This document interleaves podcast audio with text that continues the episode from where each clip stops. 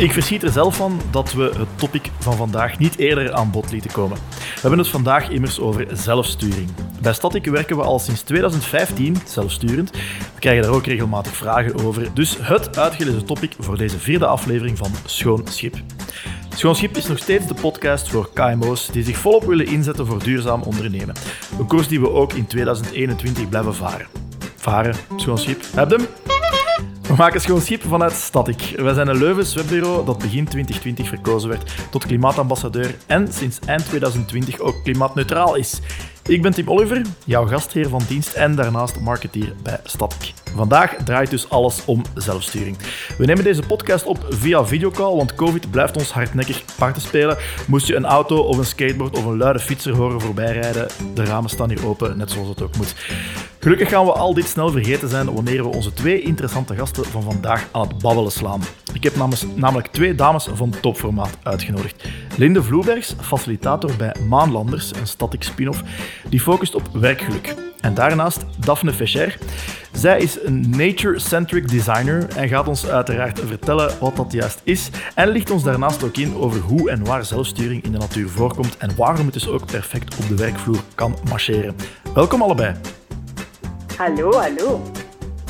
Hallo. Ze hebben er zin in. Je luistert naar de Schoonschip podcast. Linde, laten we met jou beginnen. Kwestie van het jamberstijl aan te pakken. Leg eens uit, wie ben je, wat doe je en wat drijft je? Dus meteen hoop ik um, de moeilijkste vraag van heel de podcast. Waarschijnlijk wel, ja. Uh, ik ben um, facilitator, op dit moment uh, onder Maanlanders. Maanlanders is een spin-off van, uh, van Static, die inzet op meer werkgeluk en meer impact um, bij teams en organisaties brengen. ja, daarnaast heb ik nog 10.000 zotte ideeën in mijn hoofd, maar we zullen vandaag gaan vooral... We, gaan we het bij vijf houden misschien, om te ja. starten. Ja. we zullen het op het facilitatorschap houden, dus dat... gaat vooral over van, um, transformaties faciliteren. Wat moet ik daaronder verstaan? Transformaties faciliteren? Um, misschien eerst even op het stukje faciliteren. Um, dat houdt in dat, dat het niet actief coachen is of niet actief dit is hoe dat we het gaan doen binnenbrengen, maar eigenlijk gaat het ervan uit dat alle, uh, alles er al is en dat alle wijsheid ook al in de organisatie is, dat ze al weten uh, waar ze naartoe gaan en eigenlijk gewoon hun helpen om daar naartoe te gaan. En in de eerste plaats dat door een veilige ruimte te creëren, waardoor dat mag ontstaan wat dat er wilt ontstaan in het bedrijf. Oké, okay. en dat doe je dan binnen Maanlanders. Hoe moet ik Maanlanders binnen Static juist zien? Dat is een beetje een, een spin-off van ons moederschip. Haha, ah, hey. um, van het moederschip Static. Um, omdat Static gewoon ook heel vaak de vraag kreeg van... Je werkt zo tof, leg dan een keer uit. Um, en dus is er een, een spin-off ontstaan die exact dat als, als doel heeft, um, om daarover te gaan inspireren. Um, en Static is dus ondertussen ook een beetje ons levend labo, waar we van alles kunnen uittesten en experimenteren en de beste feedback krijgen, zodat we um, echt als ervaringsdeskundigen kunnen blijven andere bedrijven Dat wij, dat wij als ervaringsdeskundigen in andere bedrijven gaan kunnen mensen uitleggen hoe ze hun werkkrachten gelukkig moeten houden. Is het dat ja. in de notendop eigenlijk? Of mogen houden. Of mogen houden, oké. Okay. Werkgeluk en impact dus eigenlijk, ja. om zo te zeggen. Alright, heel goed. Ja, beter leren samenwerken voor meer werkgeluk dus. Maar in de natuur loopt dat vanzelf vlot, blijkbaar. Daar weet jij, Daphne, alles van. Jij bent nature-centric designer, ofwel biomimicry expert. Dat is een hele mond vol. Leg eens uit in mensentaal, wat is dat precies? Klopt inderdaad. Biomimicry is um, eigenlijk een methodologie waarvan dat je um, leert uit natuur om zo duurzame innovatie te gaan bewerkstelligen. En de reden waarom dat ik inderdaad gekozen heb om dat ook wel als nature-centered designer te om, omnoemen, is omdat we vaak uh, de, de reactie krijgen, bio what? En uh, ja, dat klopt. Biomimicry is eigenlijk een moeilijk woord. Biomimicry bestaat uit bio, dus biologie, natuur, het leven, en dan mimicry, het nabootsen, het echt kopiëren van. En dus, dus het is een concept, alleen van een woord dat zeker niet nieuw is. Ehm, we hebben al ja, heel vaak, allee, of, of, of, of ja, eh, in de geschiedenis zien we heel veel voorbeelden van hoe dat we kunnen leren uit de natuur. Maar nu, de dag van vandaag, hoe, hoe stelt zich dat, allee, of waarom is dat relevant? Dat is omdat we allemaal eigenlijk probleemoplossers zijn. En, en dus het human-centered design thinking is een heel eh, gekende, populaire eh, framework om naar oplossingen te zoeken die echt relevant zijn voor de mens. Dus de mens centraal stellen. waarom noem ik het dan nature-centered designer? Is omdat we naast het oplossen van menselijke noden ook gaan nadenken hoe kunnen we dat dan in een groter perspectief trekken door die oplossingen ook te gaan kijken op vlak van natuur. Dus hoe kunnen we er eigenlijk voor zorgen dat die oplossingen passen binnen in de rest van onze planet, uh, van onze aarde, mm. en ervoor zorgen dat we een duurzame, future-proof um, innovaties in de, in, in, in de markt zetten, zeg maar. Zoals zoveel, zoals zoveel zaken waar de mensheid tegenwoordig mee te maken heeft, keren we ons opnieuw richting, draaien we onze, onze rug, nee, eh, ons gezicht liever terug naar de, de natuur om ons opnieuw te laten inspireren. Die fascinatie voor mens en natuur, heeft dat altijd al in jou, in jou gezeten? Ja, dat is, dat een goede vraag. Ik denk dat voor mij de natuur wel een plek is waar dat ik altijd wel tot rust kom of zo, waar dat ik me echt wel goed voel. Um, uh, wanneer of, of hoe dat is gekomen dat ik biomimicry heel interessant vond, dat was omdat ik altijd zo uh, het gevoel dat ik het buitenbeentje was, het zwarte eentje was. Ik, kon niet echt zo in de, in de, de kotjes of de hokjes um, zelf vinden waarin dat mensen mij probeerden stoppen. En uh, altijd zo wel op zoek geweest naar, naar het andere of zo. En dan op het moment dat ik leerde, dat ik um, een, een TED-talk hoorde over biomimicry, had ik wel zoiets van, oh wauw, um, dat is een, een, een, een, methodologie of een manier waarop dat ik um, wetenschappen of natuur kan gebruiken, maar niet noodzakelijk de expert in een bepaalde topic moet worden. Maar echt wel lessen kan trekken uit, uit de natuur en zien hoe ik die dan kan toepassen met bijvoorbeeld samenwerkingen met een designer om dan concreet effectief ook uh, producten op de markt te brengen of met nieuwe ideeën of, of concepten uh, uit te werken die dan relevant zijn voor dagdagelijkse problemen. Dat is uh, heel interessant. Dus die fascinatie is dus, ja. ja. ja. dat is, allez, ik zat denk ik in mijn derde jaar master biotechnologie en dat was toen al van, ah ja, oké, ik heb iets gekozen, een richting die net iets creatiever is dan gewoon pure biologie, puur fundamentele wetenschappen. Ja, dat is pas op dat moment dat ik over biomimicry hoorde, dat ik zo voor het eerst in mijn leven echt een aha-moment had. En ik was toen, denk ik, uh, hoe oud was ik? 22 of zo. Dus. Ja, mooi. Dat is wel straf. Oké. Nee, uh, heel, heel, uh, ja, ik zeg het, heel interessant hoe, hoe dat, dat gelopen is. Um, voordat we er verder induiken, gaan we dat toch eens uh, moet, gaan we moeten zien dat we over hetzelfde praten. Hè? Linde, ik kom terug tot bij jou. Wat is jouw definitie van zelfsturing? Precies een, een examenvraag, maar... Ja, en misschien toch nog, nog een beetje moeilijker als, um, als de vorige vraag. Um, iedereen verstaat eigenlijk een beetje iets anders onder zelfsturing. Dus ik probeer zelf zo weinig mogelijk definitie aan zelfsturing te hangen, zodat ik zo open mogelijk kan blijven voor de vragen die ik krijg. Omdat iedereen heeft een... Dat bepaalt meer een richting waar de mensen eigenlijk uit willen gaan. Wat voor mij zelfsturing betekent, is een, een, een andere manier van werken, die eigenlijk veel meer teruggaat naar onze natuur. Um, die leidt tot meer wendbaarheid als team, tot meer werkgeluk en tot meer impact in de wereld. Dus wat wilt je nog meer? Um, Zou ik denken. um, misschien om daar ietsje dieper op in te gaan, gaat um, eigenlijk over drie componenten. Allee, over veel meer dan dat, maar je kunt het wel in drie componenten onderverdelen. Je hebt het, het echte stukje zelfsturing, dat is hoe ga je organiseren als bedrijf. meer autonomie geven, samenwerken echt vanuit rollen, zodat mensen niet in vakjes geduwd worden, in vaste functies, maar echt vanuit hun talent kunnen werken. Um, snelle beslissingen nemen, daar duidelijke afspraken over hebben, goed kader, goede communicatie. Dat is echt zo het besturingssysteem van je mhm. bedrijf eigenlijk. Um, tweede componentje, want ja, dat is wel tof als je jezelf als team leert zelf sturen, maar ja, naar waar moet dat dan? Hè? Um, dan heb je een beetje zo de, de poolster, of wat ze ook wel soms de purpose noemen, dat is, dat is de richting. Um, die wordt soms ook wel verward met zo, wat is het doel? Um, wat, wat, maken wij?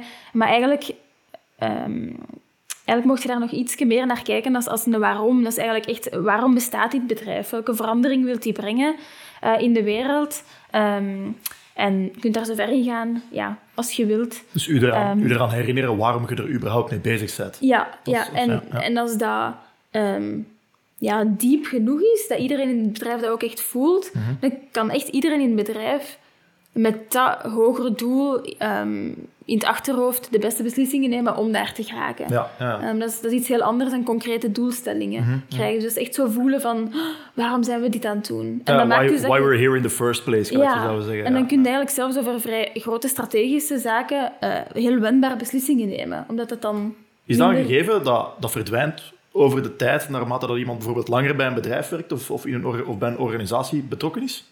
Is dat iets dat verwatert dat na verlang van tijd? dat men Ehm, daar opnieuw herinnerd aan moet worden? Dat is een goede vraag. Ik denk dat dat, dat, dat een beetje de, de uitdaging is van zelfsturend werken, om te zorgen dat die purpose heel hard ingebed zit. Ja. En sommige teams beginnen echt elke eh, wekelijkse vergadering met nog eens even de purpose voor te lezen. Komt er een project binnen, wacht, wat is onze purpose? Moeten wij dat doen, moeten wij dat niet doen? Dus dat is een beetje de kunst van die dichtbij te houden en van te zorgen dat je dat niet verward met de identiteit van zo de drie directeuren, maar dat dat echt iets is wat leeft. Dan is er altijd wel iemand, als het veilig genoeg is om open te mogen spreken, altijd wel iemand in de organisatie die daaraan gaat herinneren. Oké. Dus Oké. Ik heb u weggetrokken van de definitie. Ga gerust verder. Ehm, ja, daar kunnen we nog lang over babbelen. Ehm, maar een, een, een, ehm, ja, een derde punt, en dat is voor mij misschien zelfs eigenlijk de, de meest belangrijke component, omdat dat eigenlijk echt de vruchtbare bodem is. Eh, anders, anders werkt het gewoon niet. Ehm, heb ik tot scha en schande mogen ervaren en mogen eh, Ah. zien. Oef. Ehm, ehm, en ja, die derde component gaat eigenlijk echt gewoon over het menselijke. Dat is echt gewoon terug leren samenwerken ehm, ja, als mensen. Dus terug, oké, ja, we zijn mensen, we zijn niet alleen maar jobtitels. Ehm, We zijn mensen met emoties. We zijn, die emoties hebben ook een functie, die geven iets aan. We, we, zijn mensen die moeten met elkaar leren communiceren. En heel vaak, de beste projecten, beste budgetten, de beste ideeën heb ik zien falen, omdat persoon A en persoon B toch niet zo goed met elkaar konden communiceren. En dus als je, als, als je een goede cultuur kunt hebben, waarin dat iedereen echt allee, ja, goed gedijt, dan kun je echt wel wonderen verrichten. Als je dan nog een goede purpose hebt, een goed doel, dan wordt het helemaal tof. Maar dat is een beetje een voorwaarde zelfs voor mij. Dat er... Die manier van werken is eigenlijk eeuwenoud. Hè? Want ja, gelijk je zelf hebt gezegd, je zit ingebed in de natuur. Maar de natuur, dan komen we terug bij Daphne uit. Daarom eh, hebben we u er ook bij gehaald vandaag. Je hebt enkele voorbeelden van, van zelfsturing uit de natuur meegebracht. Klopt. Ehm, en ik denk dat dat mooi aankaart bij, wa- bij wat Linde ook vertelde over het feit dat dat gaat over hoe dat individuen eigenlijk tot, tot iets beters komen, om doordat de samenwerking heel, heel goed gaat, zelfs al is er geen baas die zegt van het moet zo of zo. De zelfsturing in de natuur is misschien eerder zo het niet-hierarchische, maar toch heel, heel ehm, ja, flowing van, van, van resultaten en, en, goed Ja. samenwerken. Ja. En daarin denk ik... ehm, dat, dat concept wordt eigenlijk in de biologie vaak collective intelligence genoemd. Dus het collectieve intelligentie. Dat wil zeggen dat de individu- individuen op zich misschien eh, niet noodzakelijk de meest intelligente personen, allee, personen quote-unquote, want dat kan gaan over een bij of een mier of zo, maar dat, kan de, dat, dat de individu op zich niet noodzakelijk de sterkste ja, individu is, maar doordat ze samen zo goed ehm, met elkaar kunnen ja, samenwerken, dat die echt tot extreem mooie, heel ja, ongelooflijke ehm, resultaten kunnen komen. En, en een van de grote ehm, groep van, van collectief ehm, intelligent species wordt ook wel superorganisms genoemd. Daarbij hebben we bijvoorbeeld, ik heb ze vermeld, de honeybees, de, de, de, de bijen, bijenkolonies, kunnen effectief ehm, heel veel en heel snel, veel sneller dan mensen, ehm, groepsbeslissingen maken. Terwijl dan die eigenlijk soms met duizenden of, of veel meer dan duizenden eh, bijtjes samen moeten beslissen wanneer dat er bijvoorbeeld een nieuwe ehm, bijen, allee, een beehive moet allee, de keuze tot een nieuwe beehive valt. Hoe wordt die keuze eigenlijk gemaakt? Dat is doordat er eigenlijk heel duidelijk bepaalde ehm, de ouderen van, van gaan, gaan scouten en die gaan kijken van oké, waar zijn er nu eigenlijk nieuwe locaties, wat zijn de opties? En die komen dan terug en die gaan die informatie delen met heel de rest van de swarm. Dus iedereen mag en krijgt dezelfde informatie te horen. Die bij begint te dansen met een bepaalde informatie. Dus die, die begint dan echt zo te zeggen van oké, de, de linkse boom of zo, zoveel meter op afstand. Dus en zij communiceren door te dansen, letterlijk. door te dansen, ja, een swaggle dance noemt dat dan. En ehm, de andere bijen in de kolonie, als ze zin hebben, eh, mogen dan zelf gaan kijken. Gaan dan gaan kijken naar de verschillende locaties van, van die recruiters. En aan, aan, aan de hand van hoe enthousiast de bij danst, hoe meer kans dat, dat die bij, eh, de andere bijen gaan zijn om te gaan kijken. Dus de andere bijen gaan dan gaan kijken en komen terug. En als die zeggen van, hé ja, dat is echt een goede keuze, dan gaan die dezelfde dans gaan doen. En dan afhankelijk van hoeveel bijen eigenlijk diezelfde dans gaan doen, op een bepaald moment hebben die dan een quorum bereikt en gaat op die manier um, de hele swarm zich gaan verplaatsen naar de nieuwe locatie, afhankelijk van waar dat die locatie is. En wat we daar eigenlijk uit kunt trekken, of, of de lessen die je daar kunt uithalen, is het feit dat communicatie extreem belangrijk is voor collectief intelligence. Omdat het gaat hem echt over het feit dat er geen geheimen zijn. Er is volledig transparantie. Iedereen krijgt dezelfde soort informatie. Ik denk dat dat een, interessante um, manier is om zelfsturing ook in, in het menselijke te trekken. Een ander voorbeeldje misschien um, is ook um, een ander superorganisme zijn mieren. En uh, ja, daarin zie je dat ook heel duidelijk dat dat die ongelooflijk sterke wezens zijn. Dus het aantal mieren, het gewicht van, van mieren is, is uh, denk ik honderd keer zoveel als het, het gewicht van de mens. Dus mm -hmm. ja, mieren op zich zijn heel, heel succesvolle organismen. Ja, ja. En, um, maar ja, op zich denken wij een mier, dat is, dat is, dat is geen slim beest of zo. Hè. Allee, beest, dat is geen slim insect. Maar uh, wat dat eigenlijk door een, door een manier van, van leren werken met elkaar, kunnen zij eigenlijk ja, heel, heel, heel sterk en heel resilient zijn. En hun um, interessante tactiek is dan zij met elkaar communiceren door interactie. Dus afhankelijk van hoe vaak ze tegen een andere mier botsen, want zij allez, botsen of, of zij werken met pheromonen, dus geuren. En dus afhankelijk van welke geuren dat zij opnemen en hoe snel dat ze tegen een andere mier botsen, gaan die daardoor een bepaalde uh, informatie krijgen en een bepaalde andere taak of rol opnemen. Dus bijvoorbeeld als ze heel veel geuren hebben, maar ze komen geen andere mier tegen, dan uh, kan het zijn dat er een versperring is um, op, aan de ingang van, van, van hun nest. Um, en gaan dan beginnen kuisen. Maar als er bijvoorbeeld... Beginnen um, kuisen, natuurlijk. Ja, allee, stel dat er een blaadje is in de weg of zo, dan wil dat zeggen dat er geen toegang meer is tot, tot, tot een um, nest. Dus dan gaan ze eigenlijk gaan beginnen kuisen. Maar als er bijvoorbeeld, um, er is veel eten, het is, het is een, uh, een dag waarin dat er veel eten te rapen valt, dan door, aan de hand van bepaalde ja, signalen dat zij dan krijgen, gaan ze dan eerder op zoek gaan naar eten.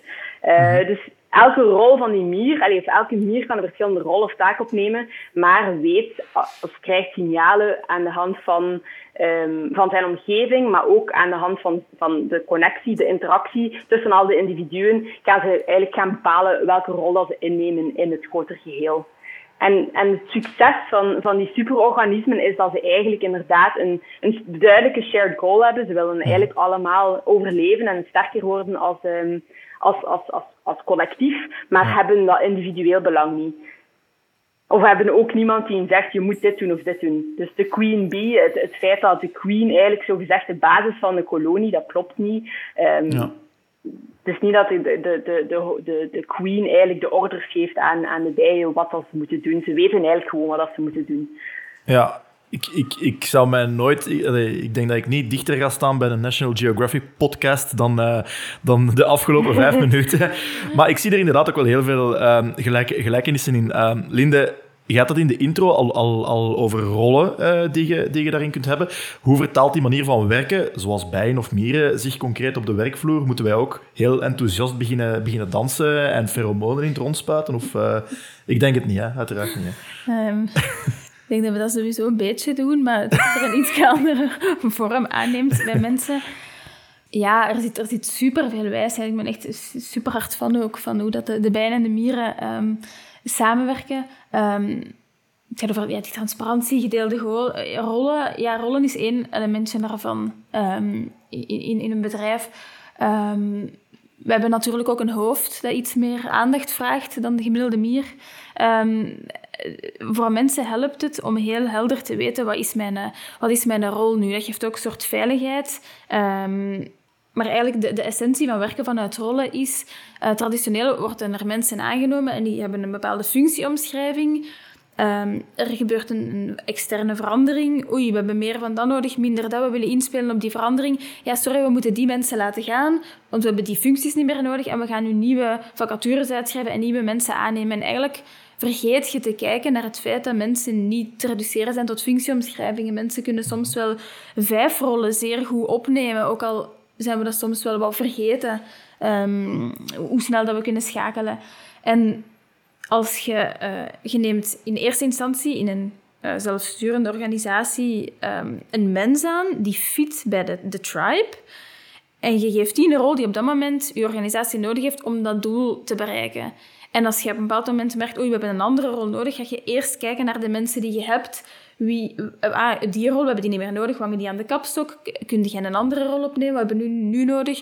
Of misschien zeg je even uw rol beu. Um, of is het niet het moment om nog teamlead te zijn, want je hebt juist een kindje gekregen. En dan kun je dat gewoon terug op tafel leggen en dan neemt iemand anders van het team dat op. En zo zet je eigenlijk de mensen eerst en de, de functies op de tweede plaats. En die worden wat inwisselbaarder. Ik zou daar graag op inpikken, mag ik? Zeker, doe maar. Ik denk dat, dat dat heel hard te, te vertalen valt naar het feit dat wij um, te vaak um, onszelf, uh, de mens dan, um, zichzelf als, als expert uh, profileert en zich daardoor ook heel vaak vast pint in een bepaalde rol, omdat die een bepaalde functie heel goed in is. En om dat dan terug te trekken naar bijvoorbeeld de mieren, die zijn veel generalistischer, die kunnen verschillende taken, omdat die nooit zichzelf zo hebben ge, ja, zichzelf hebben uitgerold om enkel en alleen bijvoorbeeld de voedselraper te zijn. Nee, nee, die weten eigenlijk van oké, het is belangrijk dat afhankelijk van de noden van, van, van de omgeving of de noden van, ons, van onze swarm, um, moeten wij eigenlijk in staat zijn om, om een beetje alles te doen. En in onze maatschappij worden wij vaker richting uh, expert geduwd dan, dan een generalistisch profiel te leren uh, te kunnen ontwikkelen. En ik denk dat dat voor een zelfsturend bedrijf wel belangrijk is, is dat je, dat je net um, beseft wat dat de waarde is van iemand met een veel generalistischer profiel. Ja, en zelfs denk ik de mogelijkheid laten, laten dat mensen, ons carrière is, is, is lang, alleen van ons leven is hopelijk lang. Uh, als je vijf jaar volle op iets werkt, kun je daar tegenwoordig misschien zelfs al een expert in dat moment in noemen. En vijf jaar, of zeker in technologie, hè, is een half jaar daarna is dat ook weer een beetje achterhaald. Dus iedereen moet zich toch blijven, um, ja, blijven bijsturen. Um, de ironie is vaak dat, um, hoe dat start-ups spontaan samenwerken. Zo vier, vijf man in een kot, alleen mannen of vrouwen in een kot. En spontaan gebeurt dat. En ah, vandaag dit en dat. En iedereen doet verschillende dingen. En uh, net dat, wat we zien, dat heel vaak heel goed spontaan werkt, wordt dan daarna zo'n beetje kapot gemaakt door mensen dan in vakjes te duwen. En mm -hmm. dat is eigenlijk net, dan zijn mensen meer uh, in die fase. Daar Als je het spontane mensen... eruit al bij, bij de mens dan. Nee, ik bedoel, ze zijn slimme meren, bedoel ik, in de start-up fase, waarin dat mensen nemen... Niemand is dan uh, de HR-persoon die alleen inzet voor de contracten. Mensen de, nemen die rollen worden op, op, op, natuurlijke wijze toegeëigend. Ja, en, en ja. mensen vullen gaten in. Mensen, ja. mensen werken samen naar wat er die dag nodig is. Mm -hmm. En, en zo krijg je die cultuur die zo vol is van innovatie en van goesting, mm -hmm. um, die dat mensen dan daarna vaak proberen te bereiken. Ja, de mensen nemen zo weinig initiatief ja, ja, maar ze steken allemaal in een hokje en ze mogen er niet uitkomen. Maar ik denk dat hem draait, of daar, dat, uh, het gaat over empowering van het individu, dat het dat heel mooi ziet, dat, dat die ook wel voelt dat hij de plaats krijgt en de ruimte krijgt en, en, en het vertrouwen krijgt om dat tot uiting te brengen. Zijnde een andere rol, zijnde even u terugtrekken of net meer naar de voorgrond komen, dat, dat dat veel meer fluidisch is of zo, omdat je u als individu ja. empowered voelt en beseft dat het tot iets groters bijdraagt en dat je ook gewoon echt oprecht deel voelt en, en aanhoort voelt en beseft dat, allee, wat je plekje is in het grotere geheel. Wat ik ook een mooie link vind bij zelfsturing, um, dat vraagt echt een ander soort leiderschap. Um, dat vraagt een veel meer gedragen leiderschap in de, de meer dagdagelijkse um, zin van het woord. Maar dat vraagt dat vraagt ja, echt zo dat veilig kader. Dat vraagt iemand die, die zorgt dat dat oké is, dat er zo samengewerkt wordt. En dat wordt vaak vergeten, dat is zo'n misvatting. Een soort van bevestiging. Ja, misschien, ja, verkeerde... Ja, ik noem dat soms iemand die, die, die space houdt. Iemand die, ja. ja zo'n beetje als een ouder. Zo, als je kind ja, leert ja. fietsen, die, je gaat die ook niet zeggen en nu die voet en nu die voet en een beetje meer zo. Want eigenlijk weet je zelfs niet wat er precies gebeurt. En je moet dat niet weten. Maar je, hebt iemand nodig die, die wel heel aanwezig erbij is en die, die zorgt dat het kan. En dat wordt vaak en, vergeten, maar... dat je in zelfsturing eigenlijk echt ook wel leiderschap nodig hebt. Dat dat niet gewoon is, iedereen doet maar een beetje. Nee. Zoals de zeester. En wat ik net zei, ik denk dat dat een hele mooie segue is naar de zeester. Klopt. De zeester, uh, ja, ik luister. Want uh, ik ben hier een totale leek in. Hè. Allee, wat ik een vraag ging stellen van, hoeft er dan altijd één leider te zijn? Of kan het eigenlijk ook gaan over distributed leadership? Of, of het feit dat elke ja, individu in, in de zelfsturende groep um, zelfleiderschap opneemt. En, en de zeester is daar eigenlijk een, een heel mooi voorbeeld van, denk ik. Um, vaak is, is allez, het is een leuke, leuk om het normaal gezien anders te, te, introduceren. En dat is de vraag, wat is het verschil tussen een spin en een zeester? Nu, ah, voel je, voel je vrij, Linde, weet jij het verschil om te antwoorden? Tussen een spin en een zeester? De een kan niet tegen water. die verdrinkt. ja, dat de zeester, um, dat die pootjes, onaf, alle pootjes, die poten, ja, onafhankelijk van elkaar bewegen en dat die toch op haar bestemming raakt. Wel, het antwoord, het, het, komt een beetje in de buurt, is dat als je uh, inderdaad een poot van een, een spin zou afhakken, dat de spin begint te manken, moest je zijn hoofd, uh, ja, de spin onthoofden, dat het volledige spin gewoon sterft. Bij een zeester, als je een arm, noemen ze dat dan, eh, afsnijdt, dan eigenlijk heeft de zeester bijna geen probleem, kan zich nog altijd perfect voorbewegen. Meer zelfs dat de geamputeerde stukje uh, zeesterarm kan vaak zelfs een volledig nieuwe zeester ontwikkelen. En de reden waarom is omdat dat een gedistribueerd ja, um, naar nervous system heeft, toch dat ik vaak Engels gebruik. Um, maar dat, dat is omdat er eigenlijk elke um, mogelijke of nodige informatie om de zeester te doen functioneren gedistribueerd is in verschillende kopieën. Dus elke arm kan eigenlijk individueel voor zichzelf beslissen, maar het is en blijft wel deel van één grote zeester. En het is fantastisch om een keer te zien. We hebben hier nu geen eh, camera's, het is zonder beelden, maar zoek gerust als je een keer uh, u even verveelt op de wc of zo, een videootje, hoe dat een zeester wandelt. Het is fantastisch om te zien. Omdat je ziet dat eigenlijk elke nap, dat heeft dan zo heel kleine, um, ja, in zijn armen zo van die rare dingen. Zuignapjes, ja. Dat heeft Zuignapjes, dank u. Uh, dat is gelijk... Maar, je, bent niet volledig gelijk.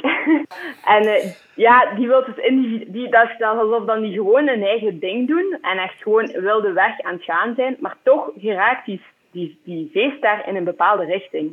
Heel fantastisch om te zien. Ik vind dat een, heel interessante metafoor. Uh, Linde, je hebt ook een duidelijke richting bij die, bij die zeester.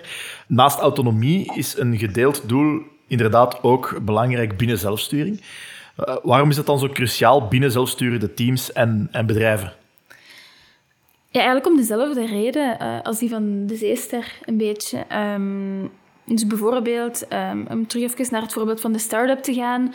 Um, iedereen zit, zit met vier mensen aan tafel, iedereen weet, oké, we moeten dat doen. Dan is degene die een goede pen heeft, gaat dan zorgen voor de communicatie. En dan is het vrij duidelijk, aangevoeld het allemaal samen aan, van die persoon moet nu dat doen. Oké, top.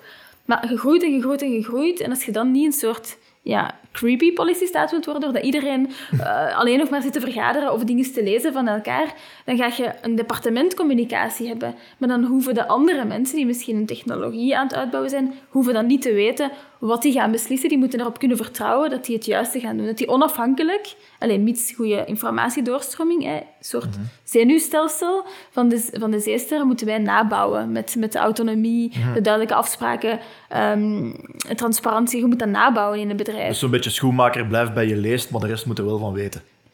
Een Om beetje. Het echt in, in... Een beetje. Er is zo'n beetje een regel in zelfsturing soms van... Je hebt, je hebt standaard vertrouwen en gewoon licht om je rol uit te voeren. Mhm. Maar je kunt dat alleen maar doen als jij goed geïnformeerd bent, als je transparante informatie hebt en als jij de mensen die dat geïmpacteerd worden door je beslissingen vanuit je rol gaat vragen hoe zij geïmpacteerd worden. Mhm. Dus je, ja, ik vind het wel een mooie parallel. Je moet, je moet dat zenuwstelsel dat echt tot in elke cel zit, dat moet je eigenlijk namaken. En dan kun je supergoed vanuit een gemeenschappelijk doel um, samenwerken. Um, dat doet mij enorm denken aan, aan hoe we bij Static eigenlijk al werken, heb ik de indruk. Klopt dat? Ja, dat klopt dat klopt. Uh, jullie, zijn dan, jullie werken dan ook met zelfturende teams. Inderdaad. Um, maar ik, vond, ik vond het persoonlijk, allee, daar ga ik nog wel even aan, aan toevoegen, ik vond het persoonlijk heel moeilijk in het begin, toen, we, toen dat begrip werd geïntroduceerd bij mij en bij de rest. Ik vond dat heel moeilijk om dat te graspen, zeg maar. Omdat ik het niet concreet aan het werk kon zien. Maar nu, 2,5 jaar later, is dat wel een evidentie geworden. Is dat zo'n evidentie geworden dat ik, als ik jullie allebei hierover praten, dat ik zoiets heb van, ah ja, dat klopt. Ah, maar wij doen dat al. En we doen dat al. Dus... eh, ik denk dat dat, dat, dat, mooi, dat, je dat, dat, dat mooi is wat je zegt, uh, Tim Oliver. Dat komt dan op neer, allee, of, of iets wat ik belangrijk vind om, om over biomimicry te zeggen, of over de natuur, dat we dat vaak gewoon gebruiken als analogie of metamorfoon, omdat dat heel visueel is om, om uit te leggen. En, en mensen hebben daar een beeld bij. Uh, zeker in, in het geval van iets dat minder tangible is misschien, maar, maar zoiets zoals van, ah ja, oké, okay, uh, laten we allemaal de bijendans gaan doen, maar dan natuurlijk geen bijendans. Dat, dat kan misschien wel helpen in, in echt wel het mm. concretiseren. Ja, het is, het is inderdaad niet iets tangible geweest. Het, is, het heeft zich op heel natuurlijke wijze in ieders hoofd hier uh, een, beetje een, een eigen definitie gevormd, om het zo te zeggen. En, en dat is een onderdeel geworden van, ons, ja, van onze werkdagen en zelfs allee, ons leven daarbuiten. Dus in die opzicht is dat wel de natuur aan het werk, hoe dat zich op totaal organische manier installeert in uw hoofd. Ja, hoe dat bijvoorbeeld, um, dat is inderdaad mooi eigenlijk. Dat is, dat het hele ding van faciliteren, de natuur eigenlijk gewoon zijn werk laten doen. Als je een groep mensen samenzet die op elkaar zijn afgestemd, met dezelfde waarden, en je hebt iets gekozen wat je gaat doen, dan, dan werkt eigenlijk van zichzelf. En de manier waarop we dat bijvoorbeeld bij Static hebben geholpen, een handje, um, is er um, een keer het gesprek gewoon met iedereen aan te gaan van wat, wat maakt Static nu zo Static voor u? En toen kwam dat eruit dat um, niet alleen uh, digitale technologie bouwen en die toegankelijk maken, maar ook de klanten waarvoor dat we dat deden, dat dat voor iedereen eigenlijk super belangrijk was. Dat iedereen echt uh, klanten wilde helpen die op hun beurt een maatschappelijke impact gingen maken. En dat is een van de manieren waarop dat je eigenlijk zo'n hoger gemeenschappelijk doel mee bepaalt. Je kijkt gewoon, wat is er al? Wat leeft er al onder iedereen? In plaats van dat je dat laat bepalen door de drie bazen die in een chic hotel um, een strategische missie, missie uh, visie, uh, ja, workshop ja, ja. gaan doen met dure consultants en veel wijn. Nee, je kijkt gewoon naar wat er al is en je laat het ook echt een beetje uit de groep ontstaan. En dat is, die rode draad is er dan. En dan trekt je ook alleen nog maar mensen aan die dat ook belangrijk vinden. En zo word je eigenlijk een coherente groep mieren. Het laatste topic waar ik wil induiken is samenwerken. Dat is volgens jou, Linde, de derde pijler van zelfsturing. Uh, maar Daphne, ik ga eerst tot bij jou komen. We hoorden al dat, dat superorganisms, zoals uh, bijen, mieren en dergelijke, dat die supergoed kunnen samenwerken. Maar wat is er dan aan het eeuwige survival of the fittest dogma? Ah, dan blij dat je die aanhaalt. Dat is inderdaad zo het, uh, het concept alsof dat fittest eigenlijk in de volksmond vaak um, aanzien wordt als sterkste. Of, of dat, dat dat eigenlijk, dat is jammer, maar dat is eigenlijk nu een, een, een manier om competitie te gaan uh, ondersteunen. Terwijl dat survival of the fittest in, uh, in Darwin's termen en, en effectief in de natuur ging het eigenlijk over fittest to its environment. Mhm. Dus dat ging eigenlijk over, het, over de organisme die zich het beste kon aanpassen aan zijn omgeving en daardoor de meeste kans had om te overleven. Dus in de biologie wil dat eigenlijk iets helemaal anders zeggen. En als het gaat over uh, de organismen die zich het beste kunnen aanpassen aan hun omgeving, dan blijkt dat het organisme die um, kan samenwerken een veel hogere kans heeft om op lange termijn te overleven dan um, het organisme die in competitie gaat. Oké, op korte termijn kan die misschien dan wel winnen uh, op heel individualistische vlak dan, um, omdat hij bijvoorbeeld uh, ja, de, de, de alfa-koning, die, allez, de alfa-koning-leeuw, sorry, de alfa-leeuw, niet de koning, de alfa-leeuw, bijvoorbeeld, die, um, die, die een gevecht wint, gaat misschien um, op korte termijn dan meer eten hebben, bijvoorbeeld. Maar um, het is nu eigenlijk ook gebleken dat bijvoorbeeld de, de, de alfa-leeuw ook heel belangrijk is in het um, troosten van andere groepen, allee, andere individuen in zijn, in zijn harem, om het zo te zeggen. En, en dus eigenlijk beseft dat empathie en samenwerking heel belangrijk is voor de overleving van zijn, van zijn, zijn, ja, zijn um, ja, zijn roedel. Kan, kan echt niet anders noemen. Ja. Zijn roedel, dank u. Ja. Dat is de roedel in het Nederlands. Ik ken dat ook niet goed. Ja, ik veronderstel van wel in het Nederlands. Sorry voor de echte bioloog. Ik zei ik ben niet noodzakelijk de, de, de, de ras-echte bioloog die alle termen juist gaat benoemen. Hè. Dus uh, dat zullen we wel al gemerkt hebben. Ik weet maar, niet of ehm, biologen die, luisteren, die, maar ik denk dat ze het zeker niet erg vinden. ga, ga ja, door, sorry. wel. Don't shoot me. en, ik, ja. Dus het gaat over het feit dat, dat gebleken is in de natuur dat op lange termijn samenwerkingen veel beter zijn. De reden waarom dat wij vaak geloven dat competitie the way forward is, is omdat we graag in documentaires dat zijn de beelden die wij spannend vinden. Dus wat wij over zien en horen en lezen, is altijd de, de, de pittige verhalen in de natuur. Maar dat is eigenlijk hetgeen wat dat, wat dat, wat dat verkoopt. Maar dat is niet noodzakelijk wat dat er in 90% van de gevallen in de natuur ook plaatsvindt. Vraag maar aan de documentairemakers van, uh, van een Planet Earth of zo hoeveel uren uh, film dat zij moeten maken voordat ze eigenlijk iets, iets spannends kunnen tonen op beeld. Ja, ja, ja. Ja, klopt. klopt. Daarmee ook dat de safaris die ik heb gedaan in het verleden, dat die enorm saai waren, maar wel heel mooi om te zien. Als ik ook die met die ingesteldheid heb aangevat. Ja, klopt. Uh, Linden, heb jij daar iets aan toe te voegen? Het hoeft niet per se biologisch te zijn. Ik weet niet of dat je een bioloog bent van opleiding, ik denk het niet. Maar... Nee, helemaal niet. Wel een natuurmens, maar uh, de juiste termen daarvoor moet je niet bij mij zijn. Nee. Een van de dingen die ik echt hoop dat we... Um, ja, die gewoon het nieuwe normaal worden, is dat we ook als mensen, en niet alleen naar de dieren, maar dat we gewoon ook voor onszelf als mensen gewoon kunnen accepteren dat we groepsbeesten zijn, dat we anderen nodig hebben, uh, maar ook dat er zoiets is als collectieve intelligentie. Dat is er gewoon en we kunnen het allemaal zoals Fluffy wegschuiven, maar dat is er gewoon. En er zijn genoeg voorbeelden in de natuur en um, ja, dat dat is allez, een beetje kennis van hoe, hoe, hoe dan een groep werkt. Uh, sommige dingen die als, als uh, communicerende vaten werken. Wat de ene onderdrukt, komt er soms langs de andere uit. Dat zie je zelfs al in een relatie. Als de ene niet zo boos kan zijn, dat de andere dan af en toe een keer goed uitbarst. Die dynamieken spelen zich ook af op het werk. En als we dat mens zijn, gewoon meer gaan omarmen, dan kunnen we ook alle wijsheid die daarin zit meepakken op het werk. Um, en heel concreet ja, gaat het dan bijvoorbeeld consent besluitvorming eh, of deep democracy. Dat is allemaal een beetje um, in plaats van degene die tegenwerkt als de ambetante te zien, die alleen maar kritische vragen stelt en het niet eens is met die beslissing, waar dat toch 90% de beslissing draagt. Nee, wat is de wijsheid in die nee-stem? Um, die collectieve intelligentie die komt er langs elk teamlid eigenlijk uit en dat gaat allemaal een andere stem hebben. En als je die puzzelstukjes samenlegt, je bent gewoon samen slimmer, ook als mensen. Um, en het is kwestie natuurlijk van dat een beetje uh, te leren, want ja, mensen hebben nu eenmaal een ego, moeten dat ego aan de kant leren zetten. Daarom is zo enige persoonlijke transformatie of enig persoonlijk bewustzijn ook wel een beetje deel ja. uh, aan zelfsturing. Um, is dat misschien een van de redenen waarom het zo moeilijk is om, om, om naar voren te brengen, om naar voren te schuiven? Als misschien moeten we weer eens iets aan doen? Ja, ja, ja, absoluut. Um, en het vraagt vooral van um, het tot dan toe leiderschap um, om bereid te zijn om zelf ook hun, e-, allez, hun eigen mens zijn meer in te brengen, kwetsbaar op te stellen, maar als, ook... Als leiderschap offert je je hiërarchie eigenlijk op, hè? Ja, en, ja.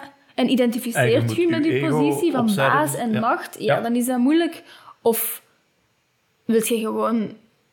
Allee, leeft jij je leven ook um, meer vanuit dat gemeenschappelijk doel, van oké, ik wil dat of dat in de wereld brengen, zeg je gefocust op wat dat je samen kunt bereiken, of op het ik, ik, ik. En eigenlijk is het, het ironische een beetje dat die competitie niet nodig is, want er is gewoon, er is genoeg. Ja. Uh, en dat klinkt misschien allemaal een beetje zweverig, maar eigenlijk is, is, voor mij is dat echt een beetje de sleutel tot zelfsturend kunnen werken. Um, gewoon sommige dingen niet meer afdoen als, als onzin, maar gewoon aanvaarden dat we als mensen nu eenmaal ook natuur wezens um, zijn. Um, en we hebben gewoon wel een beetje werk um, daarin. en dat is ook echt wel met maanlanders wat we, wat we een stuk willen brengen. in, in, allee, op school en zo wordt heel hard op cognitieve vaardigheden ingezet. maar ja, onze emoties, die hebben we nu eenmaal wel. En die, dienen, die hebben eigenlijk ook een nut. Als je boos bent, dan is dat teken dat er uh, aan een grens van u geraakt wordt of een belangrijke waarde. Mhm. Dus als je daar zo naar kunt kijken, kun je die ook inzetten. Van, maar die klant maakt mij boos, of dat of dat. Oh, ik word daar betant van. Oké, wat wil dat zeggen? Hoe kunnen we dat vertalen naar iets slim? Um, en als we, als we... We zijn een klein beetje collectief verleerd om onze emoties te durven voelen. Mhm. Ze worden onderdrukt of we schieten er, er, een beetje in door. Of we schrikken dat we erdoor verlamd worden. Als je je emoties gewoon kunt voelen, rustig ademen, communiceren wat je voelt ja, dan kun je veel beter als mensen samenwerken. En we zijn dat verleerd, maar die emoties die zijn er wel. En dat is wat ik in het begin zei. Als persoon A met persoon B niet kan samenwerken. Ik heb daar echt al super grote strategische projecten op zien mislopen. Gewoon omdat ze niet weten hoe dat ze als mensen moeten toch gewoon door dezelfde deur kunnen. Ik hoorde Daphne dat, dat jij erop Ja, inderdaad. Ja. Maar ik vond het gewoon heel mooi uh, wat je zegt, Linne, over dat, dat egocentric is dat misschien wat ons weerhoudt om, om effectief ook 100% ervoor te gaan, voor die zelfsturing, voor die autonomie, voor...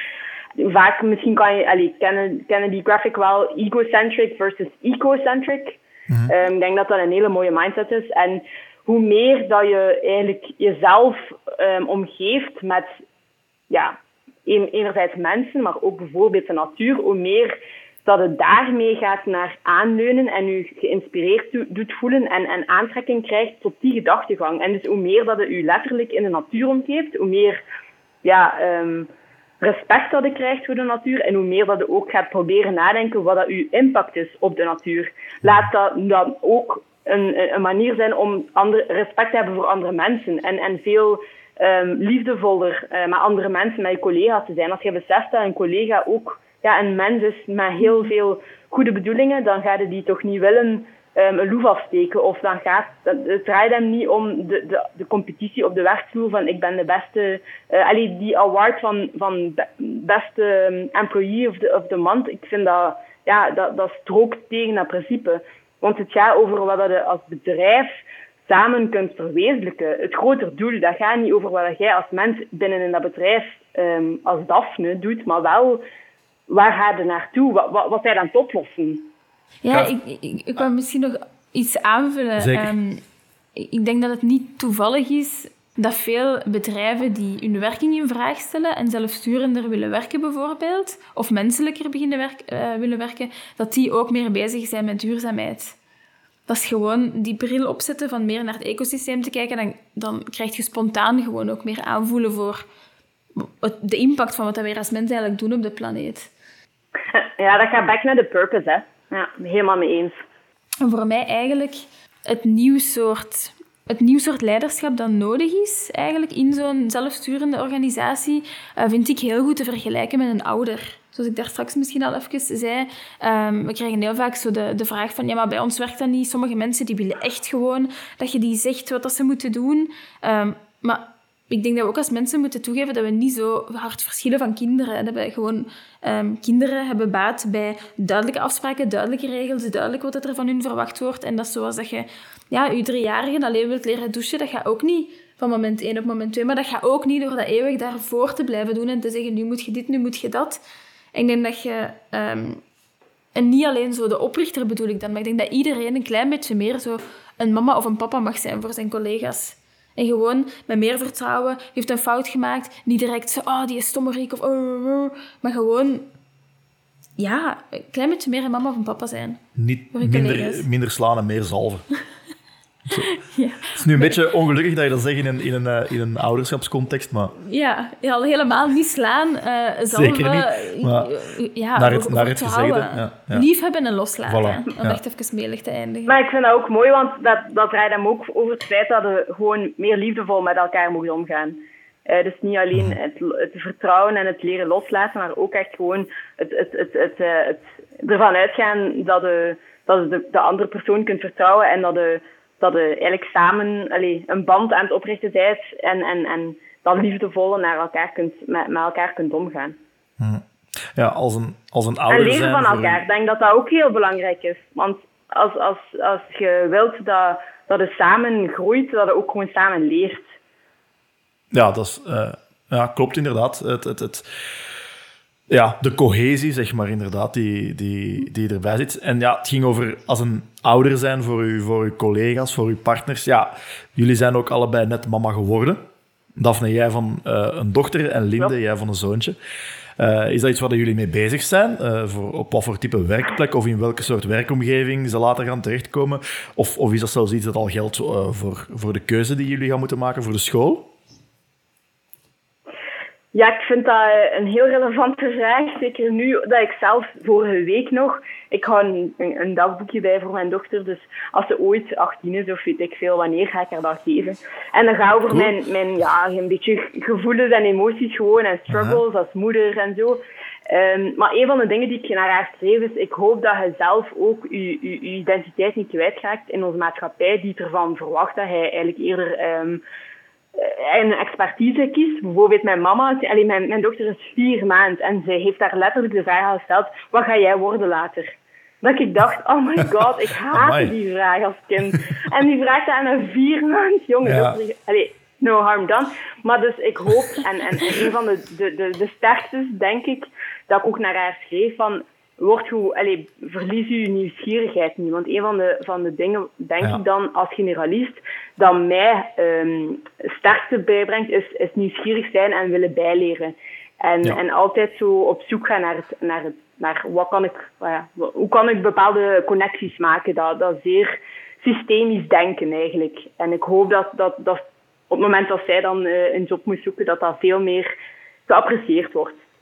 Ik denk dat jij een van die ouders gaat zijn die, die blij zijn als ze in de supermarkt rond, rondlopen en per minuut uh, twee vragen krijgen uh, van de kinderen. Waarom is dat zo? En waarom zijn die zo? En waarom doet die meneer dat? Uh, de beste Tot uiting. Daar, want ik loop nu al rond met mijn baby in de draagzak en ik babbel dus tegen haar. en ik oh, leg haar nu al uit. En dit en dit en dit. En mensen kijken nu al naar mij van, oh my god. En sowieso dat zij de antwoorden ook perfect registreert voor, uh, voor later in haar leven. Dat zou uh, zijn. Laten we daar maar op hopen. Uh, Linde, geldt dat voor jou ook? Ja, absoluut. Ik kan dat eigenlijk um, alleen, maar bijtreden. wat Daphne zegt, ik ben zelf um, ook echt gewoon altijd mijn nieuwsgierige neus gevolgd. Van gewoon handelsingenieur, mijn analistenjob, naar zelf backend developer. En nu ben ik bezig met iets wat mij altijd wel heel erg heeft geïnteresseerd. Dus ik hoop dat ik een beetje wel uh, mag um, permissie geven of zo. Hè, om even hard zijn eigen pad te volgen en nieuwsgierige neus, ondanks alle tegenkantingen. Die zotste combinaties leiden achteraf de interessantste uh, points of view of zo op. Of, of, of, of zijn gewoon kei, tof en komt zoveel interessante mensen tegen. Dus um, ik hoop dat dat misschien een beetje normaler mag zijn. Nog aanvullend, ik ben heel erg bezig met de schoolkeuze. Um, nu al om het ook een beetje gaan bepalen waar we uh, ons nieuw huis gaan zoeken. Um, ik heb een school gevonden die ook echt inzet op dat stukje van emotionele maturiteit en dus je emotie, zo zelfregulatie eigenlijk. Dat je, um, dus die kindjes die beginnen zo met een stilte momentje. er is echt ruimte ook voor in de kring te praten, te vertrekken van hun nieuwsgierigheid. Wat heb je gezien? Wat, wat, wat leeft er? En dan mogen die dan naar de klas brengen.